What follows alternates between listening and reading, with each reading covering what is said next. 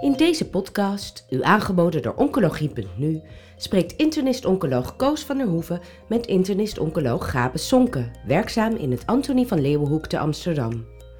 Zij bespreken de laatste ontwikkelingen op het gebied van de CDK4-6-remmers en over resistentie voor hormonale therapie bij gemetastaseerd ER-positief mammacarcinoom, die werden gepresenteerd tijdens het San Antonio Breast Cancer Symposium 2022.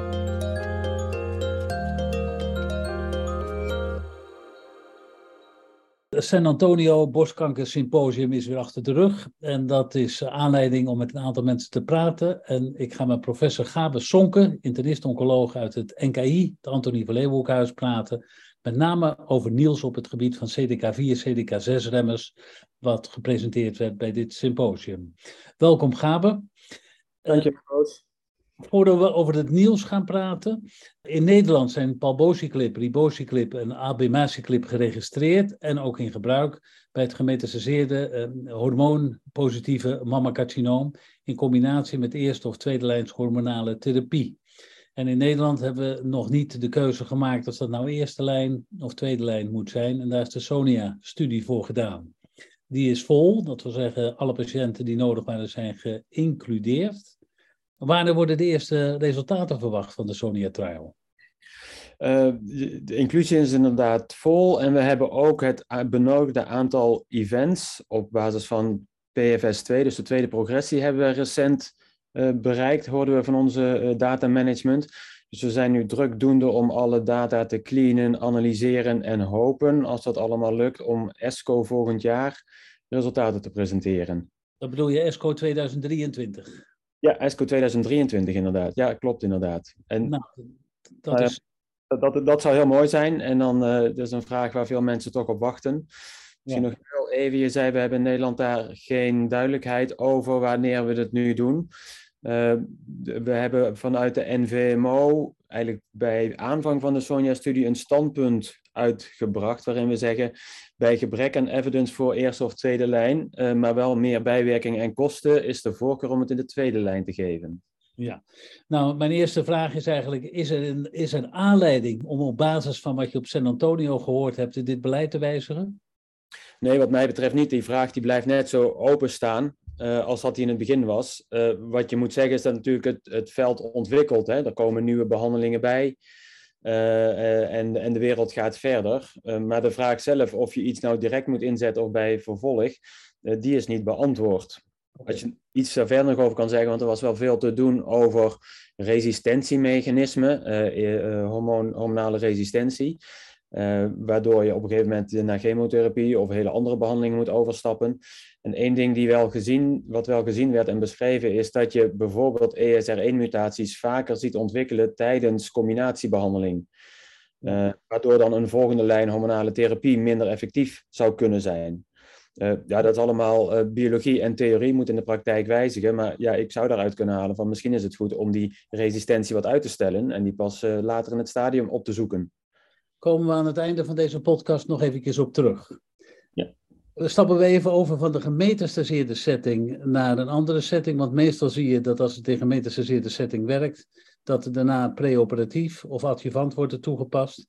En abemaciclip, dat wordt ook in de adjuvante setting onderzocht. En er was een, eh, een, een presentatie over. Wat kan je daarover vertellen?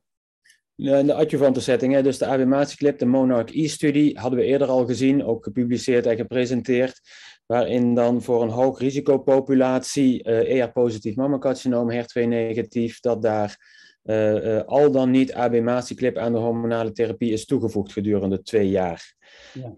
en wat daar eerder gezien is, dat daar met relatief korte follow-up een, een voordeel voor gebruik van ABMATIE-clip is op event-free survival. En wat nu gepresenteerd werd, was een, een update van die event-free survival met wat langere follow-up. Uh, en ook een geplande uh, overall survival analyse. Uh, en nou ja, wat eruit kwam is eigenlijk dat de, de curves die aanvankelijk al wat uit elkaar liepen, dat dat doorzet ook na stoppen van die twee jaar. dus dat de curves niet weer op dit moment niet naar elkaar toe lagen te trekken, maar eerder iets verder uit elkaar gaan. En dan zie je na zo'n drie, vier jaar uh, een verschil in event-free survival van zo'n 5, 6 procent. Ja. Ehm, en dat is ietsje meer dan dat het na twee jaar was, wat ik net vertelde. Een hazard ratio van 0,65. Um, de overall survival curves lopen nog volledig over elkaar heen. Dus daar ga je nog geen, geen voordeel in zien. ja, dat kan twee dingen betekenen. Is dat ofwel je een recidief uitstelt, maar niet afstelt. Ofwel dat de follow-up te kort is, omdat mensen na het ontstaan van afstandmetastase met name ook nog langduriger overleven. En dat je dat survival voordeel nu nog niet ziet. Ja, deze studie die had eigenlijk een brede inclusie, want zowel premenopausale als postmenopausale patiënten konden meedoen. Je kon de abemaciclip combineren met tamoxifen of met een aromatase remmer. En um, ja, een, een, verschil van, van, van 6 procent. Een disease-free survival van 79 versus 85 procent. Ja. Vind je dat betekenisvol of zeg je het is nog te vroeg om daar consequenties aan te verbinden? Um, ja, kijk, eigenlijk vind ik dat je een adjuvante behandeling geeft je om langer te leven, hè, of om, om, om recidieven af te stellen en niet om ze uit te stellen. En, en dat weten we nu nog niet. Tegelijkertijd moeten we zeggen dat de, de Pascal-criteria zoals ze op dit moment zijn een voorwaardelijke positief advies kunnen krijgen op basis van event-free survival, als dat voldoet aan een hazard ratio van, zoals we op dit moment zeggen, 0,7, et cetera. Dus volgens die criteria zou dat die kant op gaan, dat het daar wel aan voldoet. Uh, voorwaardelijk, uh, gegeven dat er uiteindelijk wel een overall survival voordeel moet gaan ontstaan. In jouw uh, inaugurele reden heb je heel erg gewaarschuwd voor addertjes die onder het gras zitten bij bepaalde studieopzetten. Zitten ja. er hier ook bij? Nou, één ding wat je hier kunt zien, en dat vind ik toch wel bijzonder, is als je naar de, naar de curves kijkt, dat je vanaf dag één eigenlijk een heleboel van die verticale sensoringstreepjes ziet. Dus er zijn mensen die toch nog hele korte follow-up hebben in deze analyse, terwijl ze toch echt al een langere tijd in die studie zitten. En dat begrijp ik niet. En ik kan niet goed uit de presentatie halen die ik nu zag, of dat gelijkelijk verdeeld is over beide armen. Uh, dat is wel iets wat je denk ik goed zou willen weten, of dat niet een, een adder is inderdaad onder, onder dit gras. Ja, nou, dat, uh, dat wordt vervolgd. Oké, je zei een brede inclusie in deze studie. Ja, in de zin pre- en postmenopausaal en keuze in hormonale therapie. Het zijn wel allemaal clear-positieve patiënten die daar ook nog een extra risicofactor bij hadden van ofwel een hoge Ki67, een graad 3 tumor of een, een N2 tumor. Ja. Uh, dan. Ja, maar dat zijn natuurlijk ook wel de patiëntencategorieën die relatief het meeste baat bij adjuvante therapie zouden kunnen hebben. Ja, helder. Maar als we gaan denken over een eventuele toepassing binnen Nederland, zal het natuurlijk ook in deze hoogrisicopopulatie zijn. Helder. Uh, ik wilde naar iets anders. Uh, wij kennen allemaal in de praktijk patiënten waarvan we zeggen die hebben een, een agressief verlopend mammacarcinoom, gemetastaseerd. En dan, dan is eigenlijk de expert opinion dat je eigenlijk het beste gelijk met, met chemotherapie kan starten en geen hormonale therapie kan starten. Ik weet niet of dat echt expert opinion is, maar dat wordt wel vaak gepropageerd. Heb jij daar een standpunt over? Ja, dat, dat herken ik wel. En dat komt ook wel overeen met bijvoorbeeld de guidelines van de eh, ABC, hè, dus de Advanced Breast Cancer uh, uh, groep van Fatima Cardozo en consorten. met de gedachte dat je een, snel, een snelle respons wil bereiken en dat hormonale therapie dan vaak te lang duurt. Het uh, is aardig dat je het vraagt, want er was inderdaad een studie gepresenteerd waarin ze aan kijken als je nou een combinatie geeft van hormonale therapie met CDK4-6-remmer, uh, ribociclip in dat geval, uh, ja, geldt dat dan nog steeds? Of zou je dan ook in het kader van een agressieve gemetastaseerde ziekte toch de, de combinatie kunnen geven en de chemotherapie achter de hand houden? Ja. Een studie uit, uit Taiwan, meen ik, in ieder geval een Aziatische studie. Ja, dat is uit Taiwan. Taiwan. En, nou ja, het is wel goed om even goed te kijken. Het is een studie van zo'n 220 patiënten. En wat die gedaan heeft, is inderdaad een populatie die zij dan als agressief gemetastaseerd mammocarcinoom definiëren. Uh, gerandomiseerd tussen chemotherapie van Physician's Choice of combinatie AI met, uh, met ribociclip. En, en, daar kwam uit dat nou ja, ribociclip, of die combinatie met ribociclip zeker niet slechter was, misschien zelfs wel beter. tegelijkertijd vind ik dan belangrijk om wel even heel goed naar de inclusiecriteria te kijken wat ze dan bedoelen precies met agressief. En, en uh, nou, een deel daarvan, maar een deel daarvan denk ik dat het echt als een viscerale crisis beschouwd zou worden, zoals wij dat zien. Ja. Volgens mij zeiden ze zo'n zo de helft van de patiënten. Uh, en, en ja, als ik dat in mijn eigen praktijk zou bedenken, zijn dat bijvoorbeeld vaak mensen die dan met een hoog bilirubine bij levermetastase binnenkomen. Maar het bilirubine mocht hier bijvoorbeeld niet verhoogd zijn in deze, in deze populatie. Ja. Dus ik denk op het moment dat er viscerale metastase zijn, dat is voor mij niet een reden om chemotherapie te geven. Dan kan je prima inderdaad met hormonale therapie, uh, en als de Sonja-studie dat aantoont, eventueel met een combinatie CDK4-6-remmer behandelen. Als er echt sprake is van een viscerale crisis, uh, echt orgaanfalen, uh, ja, dan zou ik nog steeds, ook ondanks deze studie, kiezen voor chemotherapie. En als je heel goed in de subgroepanalyses keek van deze studie, leek ook het voordeel van die combinatie hormonaal met CDK4-6-remmer juist bij die groep zonder viscerale crisis te zijn. Dus ik denk eigenlijk dat het beleid niet veranderd hierdoor. Nee. Nou, voor degenen die het nog een keertje na willen lezen, het was een studie die werd gepresenteerd door LU, LU. Je hebt er net al eventjes benoemd dat er patiënten zijn die, die een resistentie tegen hormonale therapie ontwikkelen. En um, ja, daar worden wel, zijn er nou moleculaire markers beschikbaar die iets zeggen over die, die resistentie tegen hormonale therapie. We kennen allemaal patiënten die al primair resistent zijn. Zijn daar markers voor? Ja, wat we denk voorheen veel deden is op basis van klinische markers. En dat kan zijn het interval sinds afronde primaire behandeling, of dat ziekte ontstaat onder adjuvant hormonale behandeling, dat dat prognostisch ongunstige factoren zijn.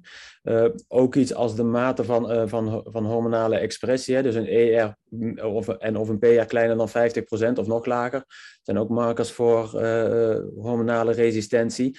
Maar natuurlijk geen van alle is dat nou een perfecte marker en, en geen van alle is ook een reden om de hormonale therapie achterwege te laten. Terwijl er toch wel vaak veel over gesproken werd. Een, mooi verhaal uh, om terug te kijken bijvoorbeeld is dat van Fabrice André. Uh, die het hierover had. En die ook wel probeert een lans te breken om op basis van een ESR1-mutatie en dan ook specifieke ESR1-mutatie en wel of geen subclonality te gaan kijken of je kunt voorspellen welke patiënt, ondanks dat het een hormoongevoelige tumor is, eigenlijk helemaal niet met hormonale therapie en zeker niet met monotherapie zou moeten behandelen zelf vond ik dat ook wel interessant. Ik had altijd toch het idee dat een ESR1-mutatie met name resistentie tegen een zou, uh, zou aangeven. Omdat het eigenlijk een ja, continue activatie van die receptor geeft met of zonder binding. En dat je met een, een oestrogeenreceptor uh, degrader, dus met name fulvestrant of de meer moderne SERDs, dat effect zou moeten, niet zo last van zou hebben. Ja. Ja, dat kwam ook wel uit een aantal studies. Misschien hebben we het daar nog over. Dat die SERDs wel, met name misschien bij een, bij een ESR1-mutatie, wat actiever zijn. Maar dat fulvestrant eigenlijk niet erg actief is bij zo'n mutatie. Nou, laten we het overstapje maken naar de, de Emerald-studie. Want het gaat over elacestrant na het falen van hormonale therapie. En het falen van hormonale therapie, dat is inclusief de combinatie met de CDK4, CDK6-remmers. Die elacestrant, wat is dat voor een stof? Ja, dat is dus een orale SERT, zoals ze dat noemen. Dus een, uh, ja, ik, ik, noem het maar tussen, tussen aanhalingstekens de orale variant van fulvestrant. Waarin je dus specifiek die oestrogeenreceptor eigenlijk uh, ja, ja, kapot maakt, degrade. Uh, en, en dat zou een mooie aanvulling zijn natuurlijk, of dat kan een mooie aanvulling zijn op ons arsenaal van middelen. als je dat, doordat je niet de injecties hoeft te hebben en misschien ook wel een, een, een effectievere dosering gaat krijgen dan dat we met fulvestrant krijgen. Ik weet niet of je dat nog uit het verleden kent dat we vroeger 250 milligram verstand gaven en weinig effectief had. Toen we naar, naar 500 milligram zijn gegaan, was het al een stuk beter. Maar misschien is zelfs dat nog een onderdosering. Maar ja, veel meer spieren om maandelijks je injecties in te krijgen hebben we niet. Dus veel hoger doseren lukt daarin niet. En dat zou met zo'n SERT wellicht wel kunnen, of althans effectievere doseringen krijgen. Ja, die Emerald-studie, dat was al een fase 3-studie. Wat kan je daarover vertellen? Ja, dus die had het ten opzichte van Physician's Choice genomen, precies wat je net zei. En dat kon vulverstrand zijn of dat kon een aromatase-remmer zijn. Daar kreeg je een iets betere progressievrije overleving met inderdaad het elastostrand. Uh, dat verschil was niet heel groot overigens hoor. Dat was een maand, uh, anderhalve maand, twee maanden. Uh, allemaal subgroepen van, of afhankelijk van hoe lang je interval is geweest en, en je receptorstatus. Maar, maar, maar plus of min blijft dat ongeveer met een, een, een maand of maximaal twee betere mediane progressievrije overleving. Uh, eigenlijk zou ik het zelf misschien ietsje anders bekijken, dat dit laat zien dat het ook een effectief hormonale therapie is uh, in deze setting, vergelijkbaar met je alternatieven. Ja. Misschien ietsje beter, maar niet overtuigend veel beter. Maar wel een, alternatief, een alternatieve uh, route van doseren. Je noemde Fabrice André net al. Die, heeft een, uh, die had ook een, eh, een, een, samenvattend verhaal. En die zei eigenlijk, we zoeken eigenlijk iets, we zoeken eigenlijk iets wat de, de progressievrije overleving met wel een jaar verlengd. Ja, want toch, is het vaak wat ik ook zei, hè, dan zit je op drie, vier maanden of zoiets, vijf dus een keer. En je, dat, ja, je wil ook die tweede lijns hormonale therapie naar een langer gemiddelde krijgen. Hoewel de ervaring is dat het voor een deel van de patiënten ook wel lukt nog steeds. Hè. Ik heb ook echt wel mensen die in de tweede lijn het wel goed doen. En ja, laten we bijvoorbeeld ook niet vergeten, we zeggen nu steeds eerste lijn aromatase maar tweede lijn vulverstrand. Of dat zou dan op een gegeven moment misschien een search kunnen zijn als dat qua toxiciteit en financiën uh, behapbaar is. Maar good old tamoxifen is natuurlijk ook gewoon een uitstekend middel wat je kunt inzetten daar. En laten we dat vooral niet vergeten. Ja, uh, Gabe, er was nog een, een, een andere studie.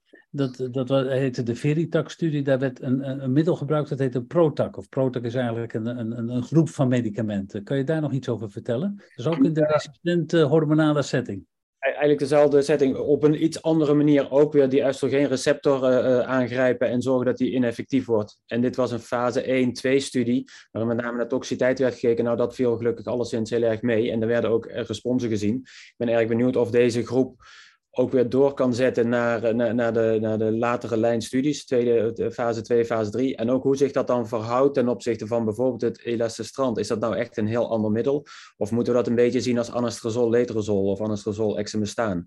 Uh, dat durf ik nog niet zo te zeggen. Nee. Maar het is wel een, een nieuwe groep medicamenten die op dit moment onderzocht wordt. Hè? Dus de CDK4, CDK6, dat is een heel aantal jaren hot geweest. En nu deze middelen die komen na het falen van, van eerdere therapieën, dat, dat is eigenlijk het nieuwe. Ja, het nieuwe en dan juist weer op die hormonale as uh, zitten. Uh, en het andere nieuwe waar we nu wat minder aandacht voor hebben, blijft toch ook wel de, uh, de, de ACT-PR3 kinase pathway, waar ook nog weer een nieuwe studie was met het capivasertip. Ik moet altijd goed denken hoe ik het uitspreek. Ja. en in die lijn wordt ook nog steeds veel gekeken of je dat toch als een combinatiebehandeling met hormonale therapie kan kijken, krijgen. Ik denk dat we daar ook de komende jaren nog, uh, nog nodig over te horen krijgen. Als je het nou samen mag vatten voor de patiënten met een uh, hormoongevoelig gemetastaseerd mammacarcinoom, wat was dan het nieuws dit jaar van San Antonio? Uh, het, het, nieuws vind ik toch met name de biologie die gaat, ho hopelijk gaat begrijpen waarom je de, horm de hormonale resistentie gaat, gaat krijgen. Uh, en, en, daarnaast was het toch inderdaad ja, voortgaan op dingen die we al eerder hadden gezien over de CDK4-6-remmers. En de search kreeg meer aandacht, maar hadden we natuurlijk ook al wel eens eerder gezien. Ja. Eén ehm, ding wat we nog niet zo genoemd hebben, maar misschien nog even om, om kort te noemen, was het treatment beyond progression. Uh, doorgaan met een CDK4-6-remmer als je er al progressief onder was geweest. Er was nu een studie die daar geen voordeel van liet zien. Eigenlijk uh, nou, geen ondersteuning om dat beleid nu toe te passen.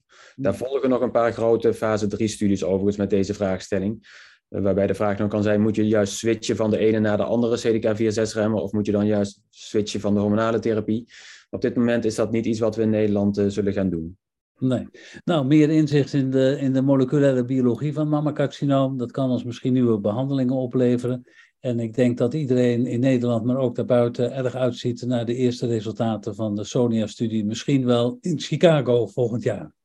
Zeker, wij ook. Dankjewel, uh, Gabe. Bent u geïnteresseerd in meer podcasts? Deze zijn te vinden op de website www.oncologie.nu. Heeft u zelf een onderwerp of onderzoek dat besproken kan worden in een podcast? Mail het naar info.uitgeverij-jaap.nl